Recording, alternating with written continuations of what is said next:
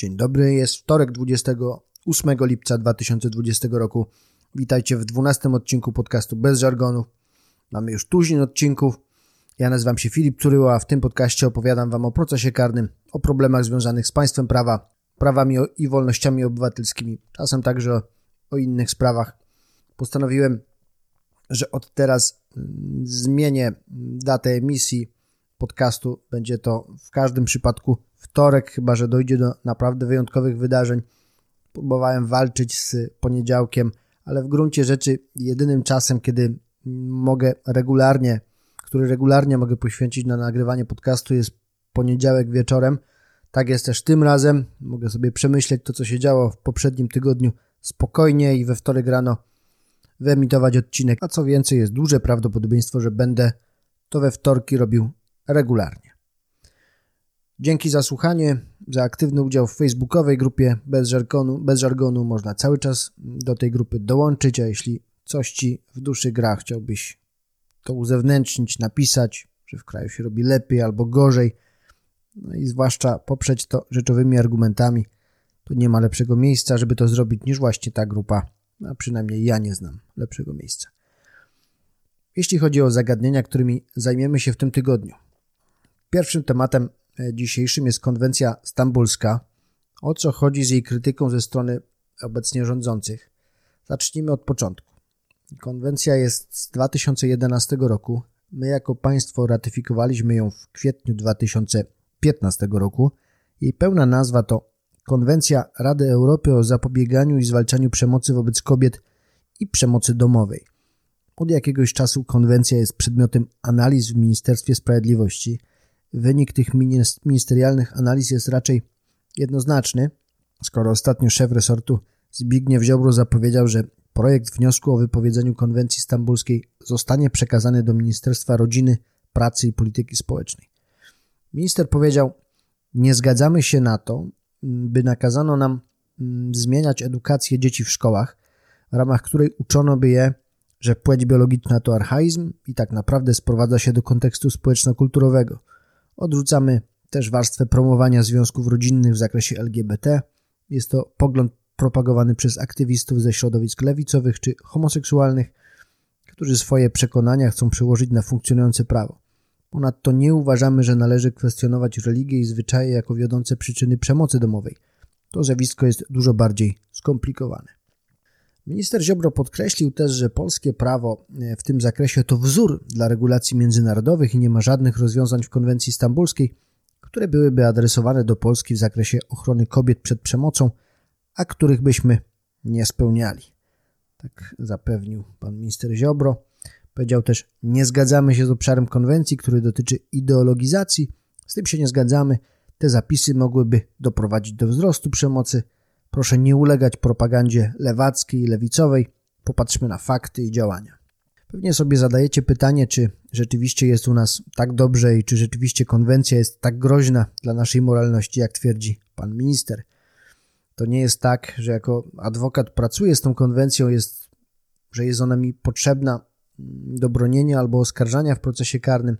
Jest ona raczej dokumentem, który określa kierunek działań państw sygnatariuszy w zwalczaniu przemocy wobec e, kobiet – w związku z tym, że konwencja nie jest aktem prawnym, który się uwidacznia w polskim procesie karnym, przyznam, że dopiero teraz zadałem sobie trud, trud bardziej wnikliwego przeczytania tego dokumentu i oto jakie mam wnioski. Po pierwsze, wbrew wypowiedziom przedstawicieli ministerstwa, konwencja nie dotyczy kwestii LGBT. Nie służy do ochrony tych środowisk i z pewnością nie służy do szerzenia homoseksualnej propagandy, zatem wrażliwych na tę propagandę uspokajam. Druga sprawa to twierdzenie, że zgodnie z konwencją płeć biologiczna to archaizm. Nie jest to prawda.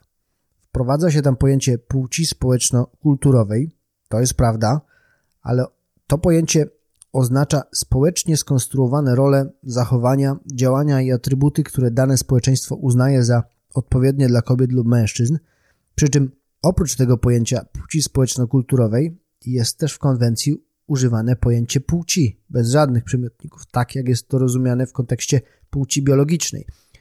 Nie proponuje się w konwencji zastąpienia definicji płci płcią społeczno-kulturową. Treść tej konwencji raczej podkreśla różnicę między płcią a, pod, a płcią społeczno-kulturową. Tak ja to rozumiem. To jest istotna sprawa, bo rzeczywiście, gdyby na gruncie konwencji przesądzano, że różnice między płciami są wyłącznie wynikiem oddziaływania środowiska, byłoby to trudne do zaakceptowania. Właściwie to cała treść konwencji jest jednym wielkim potwierdzeniem, że istnieją różnice między płciami prowadzące do większego narażenia kobiet na przemoc fizyczną. To, gdzie wątek ideologiczny e, w konwencji jest widoczny, to preambuła. W niej jest napisane na przykład, że przemoc wobec kobiet stanowi jeden z podstawowych mechanizmów społecznych, poprzez który kobiety są spychane na podległą pozycję względem mężczyzn. Przyjęto też, że przemoc wobec kobiet jest przejawem nierównych stosunków między kobietami a mężczyznami na przestrzeni wieków, które doprowadziły do dominacji mężczyzn nad kobietami i dyskryminacji kobiet, a także uniemożliwy, uniemożliwiły pełen rozwój kobiet. Preambuły, które przesądzają takie kwestie, to jest rzecz typowa dla prawodawstwa europejskiego, na przykład znane Wam zapewne RODO ma preambułę i to obszerną na 25 czy 30 stron takiego, te, takiego zwykłego tekstu A4. Preambuły mają także traktaty o Unii Europejskiej, o funkcjonowaniu Unii Europejskiej. W naszym krajowym prawodawstwie jest to kwestia o wiele rzadsza. Możecie sobie wyrobić zdanie, jakie uważacie za stosowne. Ja, jako prawnik, nie będę Wam mówił, jakie są źródła przemocy wobec kobiet. Czy owa przemoc jest rzeczywiście źródłem zepchnięcia pań na podległą wobec mężczyzn pozycję i czy mężczyźni zachowują dominację nad kobietami, czy robią to z uwagi na stosowanie przemocy? To są pytania, które wymagają analizy historycznej, mm, socjologicznej. Kto się czuje kompetentny do zajęcia stanowiska, tego zachęcam do zabrania głosu w grupie na Facebooku. Co według mnie uzasadnia ochronę kobiet, to fakt niewątpliwej przewagi fizycznej, którą mężczyźni mają nad kobietami oraz fakt wyższego poziomu ich agresji. To jest dla mnie wystarczające. Sprowadzając rzecz do najprostszych czynników. Chęć, którą generuje agresja i możliwość, którą generuje przewaga fizyczna są potencjalnymi e, źródłami stosowania przemocy wobec słabszej fizycznie grupy. Nie potrzebuje do tego stwierdzania strukturalnej dominacji mężczyzn nad kobietami. Ciekawym przepisem w konwencji jest artykuł 36, który nakazuje państwom sygnatariuszom, aby odpowiedzialność karną za zgwałcenie albo inne czynności seksualne związać z brakiem dobrowolnej, będącym, będącej wyrazem e, wolnej woli zgody. To jest ochrona, która idzie dalej niż polskie przepisy. W tym zakresie mija się z prawdą minister sprawiedliwości, który mówi, że w naszym prawodawstwie wszystkie standardy nieideologiczne ochrony kobiet, o, o których mowa w konwencji, są spełnione. U nas jest tak, że za zgwałcenie odpowiada się w razie zastosowania określonych metod działania, a to przemocy, groźby lub podstępu. Brak zgody ofiary, czyli zupełna bierność, brak jakiegokolwiek manifestowania sprzeciwu nie powoduje odpowiedzialności za przestępstwo zgwałcenia. Czyli u nas do odpowiedzialności potrzeba przełamania oporu ofiary. No, albo jego y, podstępne obejście tegoż oporu, na przykład poprzez podanie pigułki gwałtu. A w standardzie konwencyjnym, y, konwencji stambulskiej, ten próg jest niższy, czyli nie trzeba przełamywać oporu albo obchodzić go w sposób podstępny, wystarczy brak zgody osoby na e, współżycie, na, jakąś, na jakieś zachowanie o charakterze seksualnym i to jest istotna różnica. Jest jeszcze jedna rzecz, która się naszym władzom nie podoba, a mianowicie nakaz przyjęcia, że w postępowaniu karnym wszczętym w związku z popełnieniem któregokolwiek z aktów przemocy objętych zakresem konwencji, kultura, zwyczaj, religia, tradycja lub tzw. Tak honor – nie mogą stanowić usprawiedliwienia popełnienia takiego aktu. Obejmuje to zwłaszcza twierdzenia, że ofiara naruszyła kulturowe, religijne, społeczne lub tradycyjne normy lub zwyczaje stanowiące kryteria właściwego zachowania. No i o co w tym chodzi? Ano na przykład o obrzezanie kobiet albo usprawiedliwianą tradycjami wcześniej wczesną inicjację seksualną, wreszcie o takie prymitywne przekonania, że prostytutki nie można zgwałcić. Co jest słabością konwencji, to fakt, że wiele z jej przepisów wynika już wprost z zasady równości wszystkich ludzi i zakazu dyskryminacji ze względu na płeć. I z tej przyczyny właściwie nie rozumiem powodu, dla, której wymieniono, dla którego wymieniono w konwencji takie, a nie inne przejawy nierównego traktowania, ale to jest problem każdego ustawodawstwa albo prawodawstwa y, antydyskryminacyjnego, że te same mm, wartości, które to prawodawstwo chroni, dałoby się wyprowadzić już z mm, szerszego pojęcia równości wobec prawa czy zakazu dyskryminacji ze względu na płeć, wiek, rasę, narodowość, jakiekolwiek inne czynniki. Jest pewnie jeszcze sporo innych elementów, które można byłoby omówić, na przykład Myślę, że kwestie edukacyjne poruszane w konwencji bardzo bolą Ministerstwo Sprawiedliwości e, w tej dzisiejszej konserwatywnej obsadzie. E, jest rzeczywiście w konwencji mowa o zobowiązaniu do edukacji w zakresie równości kobiet i mężczyzn, niestereotypowych ról społeczno-kulturowych, o wykorzenieniu uprzedzeń, zwyczajów, tradycji oraz innych praktyk opartych na idei niższości kobiet lub na stereotypowych rolach kobiet i mężczyzn. Generalnie uważam, że jest krokiem we właściwą stronę, aby uczyć ludzi idźcie i realizujcie się, spełniacie marzenia. Na pewno ja chciałbym tak swoje dzieci wychowywać, bez względu na płeć. I dopóki jest to element równości szans, a nie równości rezultatu, to ja jestem tego y, zwolennikiem. Krótko mówiąc, nie taki diabeł straszny i nie jest tak, że lewacy mieszają nam w głowach gejami i genderem. Mamy pewną grupę stanowiącą większość, która jest z uwagi na pewne cechy narażona na przemoc ze strony innej grupy Konwencja ma temu zapobiegać, więc w kategoriach prawnych nie uważam zastrzeżeń ministerstwa za uzasadnione. Rozgadałem się na temat konwencji, a tu jeszcze jest kilka innych rzeczy, które chciałbym dzisiaj omówić. Muszę Wam powiedzieć o sprawie dyscyplinarnej, która, którą zajmowała się ostatnio Izba Dyscyplinarna Sądu Najwyższego. Nieważne o kogo personalnie chodzi, natomiast ważne, że rzecz dotyczy prokuratora, który powiesił w swoim gabinecie fotomontaż z prezesem Prawa i Sprawiedliwości Jarosławem Kaczyńskim. Twarz pana prezesa została wklejona w niemiecki plakat propagandowy. Przedstawiony został w brunatnej koszuli, trzymał w ręce sztandar NSDAP. Na sztandarze oraz na opasce na ramieniu w miejsce swastyki wklejono logo PiS, a poniżej umieszczono napis Ein Volk, ein PiS, ein Kaczor. Wydział Spraw Wewnętrznych Prokuratury Krajowej wszczął w związku z tym zdarzeniem śledztwo w kierunku propagowania faszystowskiego ustroju państwa. Prokurator został zawieszony w czynnościach służbowych i to zawieszenie trwało od jakiegoś czasu, aktualnie zostało po raz kolejny przedłużone. Większość z Was wie, że jestem zwolennikiem bardzo szeroko rozumianej wolności słowa i uważam, że prawo karne czy dyscyplinarne nie powinno zwalczać głupoty albo kiepskiego poczucia humoru czy braku wyczucia. Poza tym logika, zgodnie z którą ktoś ewidentnie wyżydzający polityka poprzez osadzenie jego zdjęcia w nazistowskim plakacie, tym samym propaguje faszystowski ustrój państwa, jest po prostu pokrętna. E, czyli ktoś chce ewidentnie ośmieszyć inną osobę poprzez zestawienie jego twarzy z symbolem, z symbolem nazistowskim, a więc nie propaguje ustroju faszystowskiego, ale wyraźnie okazuje dezaprobatę wobec zarówno tego ustroju, jak i osoby, której zdjęcie wkleja. No, intencja jest jak najbardziej czytelna. Nie widzę tu powodu do twierdzenia o pro propagowaniu ustroju faszystowskiego. Inna sprawa to fakt, że komuś na poziomie prokuratury krajowej chce się takimi głupotami zajmować. Przecież prokurator nie pracuje u siebie, tylko ma gabinet w instytucji państwowej. Nie ma prawa wieszać czego chce na ścianach. Trzeba mu to nakazać, zdjąć ze ściany i po problemie. Fakt, że to trafia do prokuratury krajowej i ktoś jeszcze traktuje to w kategoriach przestępstwa, prowadzi w tym zakresie śledztwo, pokazuje tak neurotyczny brak dystansu do siebie i własnej instytucji, że aż szkoda, abyście o tym nie wiedzieli. No.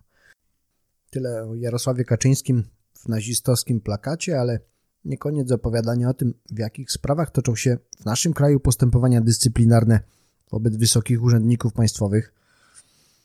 Na przykład zastępca rzecznika dyscyplinarnego sędziów sądów powszechnych postawił 14 sędziom zarzuty przewinienia dyscyplinarnego polegającego na oczywistej i rażącej obrazie przepisów prawa.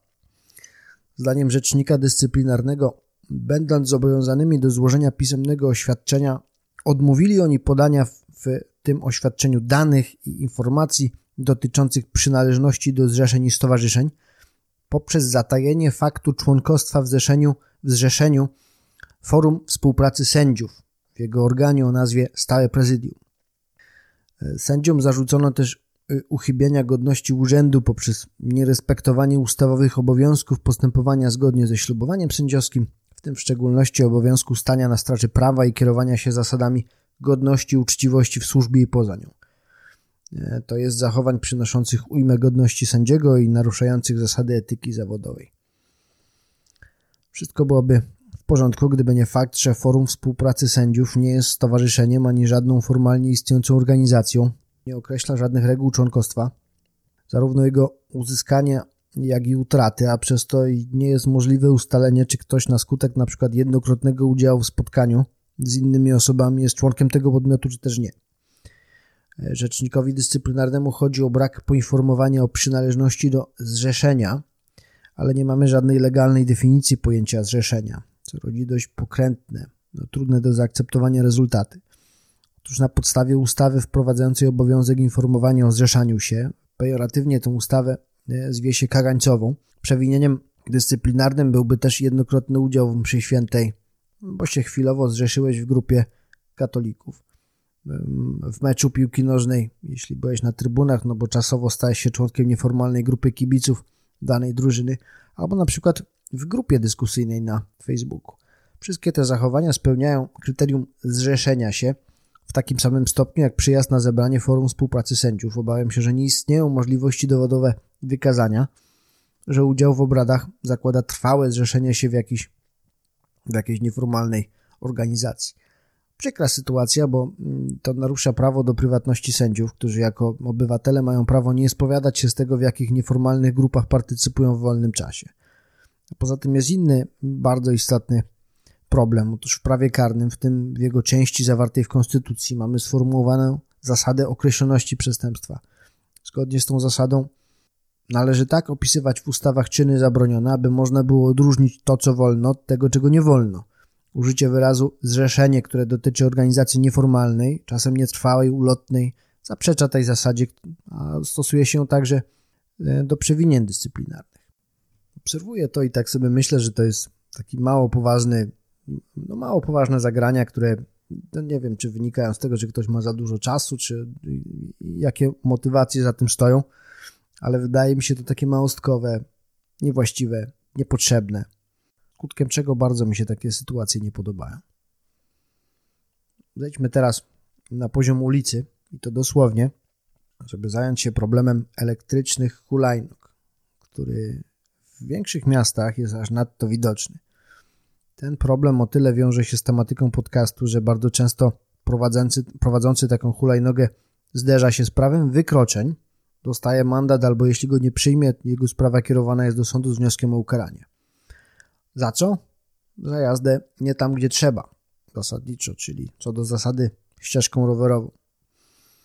Najpierw dam, dam Wam zestaw tego, jak się należy zachować, jeśli się jedzie hulajnogą, a potem opowiem Wam, dlaczego się zajmujemy e, tym akurat tematem w, teraz, w tym tygodniu. Oprócz tego, że chyba 6 czy 7 osób ostatnio mnie pytało o to zagadnienie, więc już to by było samo w sobie wystarczającym powodem.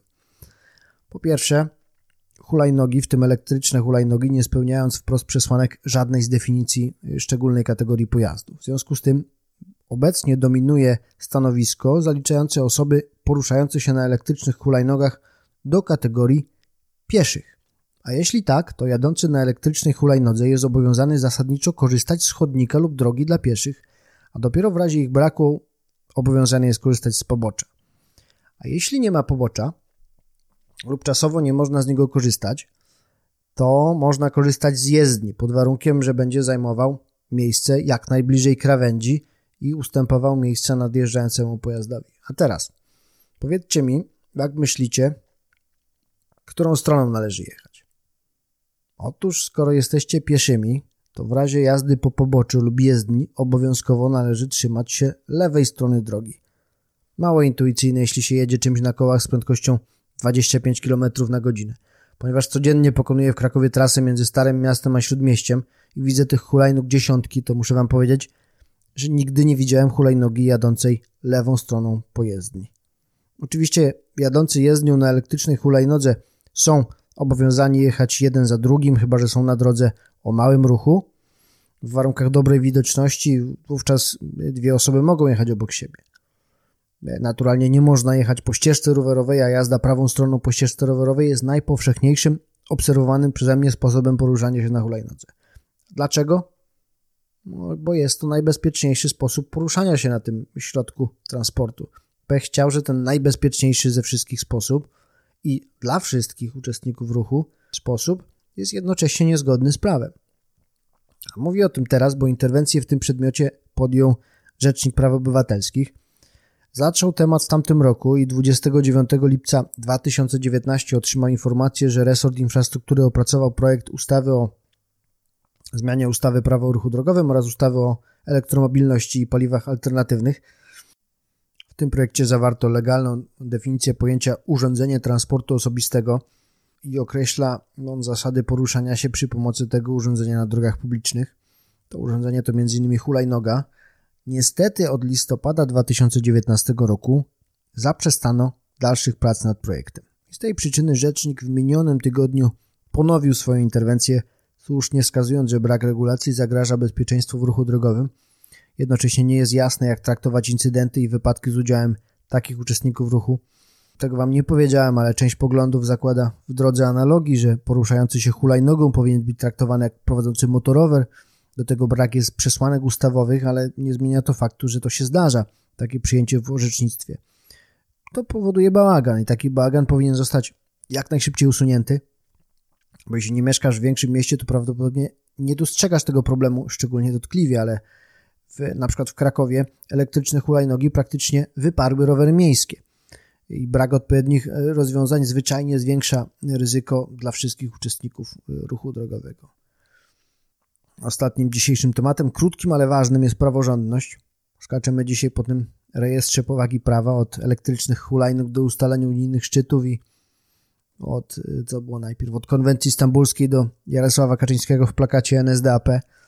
Sami powiecie, powiedzcie, gdzie jeszcze macie taką rozpiętość tematyczną. Tylko bez żargonu i co więcej, na wszystkie te tematy możecie w tygodniu podyskutować. No ale do rzeczy.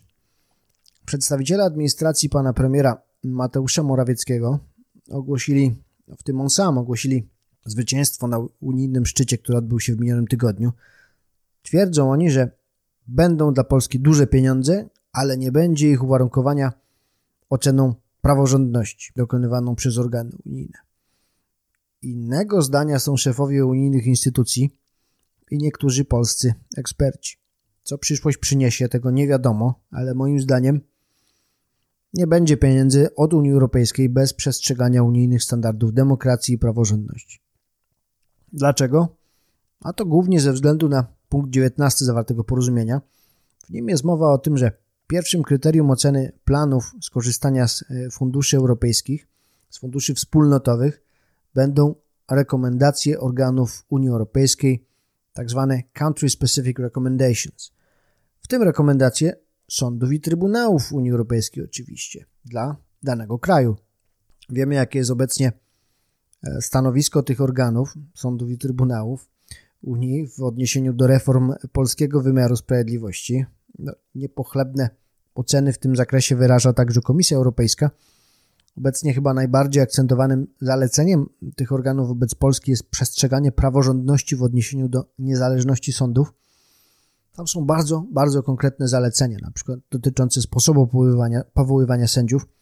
Uważam, że ocena ich realizacji, owych zaleceń będzie miała jeszcze bardziej szczegółowy charakter, jak ta procedura mm, przyznawania funduszy, między innymi w oparciu o, o ocenę praworządności, troszkę się dotrze będzie to dość prosta sytuacja w konkluzji. Chcesz pieniądze, to musisz spełnić zalecenia. A co więcej, już przedstawiając plan skorzystania z funduszy unijnych, trzeba będzie z góry pokazać, jak konkretne zalecenia dla e, danego kraju są realizowane. Nie spełniasz wymagań, nie dostajesz pieniędzy. Tym bardziej, że następnie dochodzi do wtórnego oceniania, czy warunki rzeczywiście zostały spełnione. Jeśli Polska nadal nie zrealizuje zaleceń dotyczących praworządności w zakresie niezależności sądownictwa, no to najzwyczajniej w świecie nie otrzyma tych środków. Uważam, że są to bardzo stanowcze rozwiązania. Jeśli ktoś w naszym rządzie myśli, że skończy się na charakterystycznej dla Brukseli bezwładności, braku możliwości wyegzekwowania swojego stanowiska, to w mojej ocenie, z prawnego przynajmniej punktu widzenia, E, się myli. E, tego politycznego, e, tej politycznej warstwy oceniać nie chcę, no bo tutaj nie mam żadnych większych kompetencji, żeby wyrazić swoje stanowisko. Tym akcentem praworządności wyczerpałem tematykę 12 odcinka bez żargonu. Jeszcze raz zachęcam do dołączenia do naszej grupy, do aktywnego w niej udziału. Dziękuję Wam za dzisiaj. Pamiętajcie, że teraz ten poniedziałkowy poniedziałek nagrywany odcinek będzie się ukazywał we wtorek rano. A zatem słyszymy się w przyszłym tygodniu. Dziękuję Wam za uwagę. Miłego tygodnia. Cześć.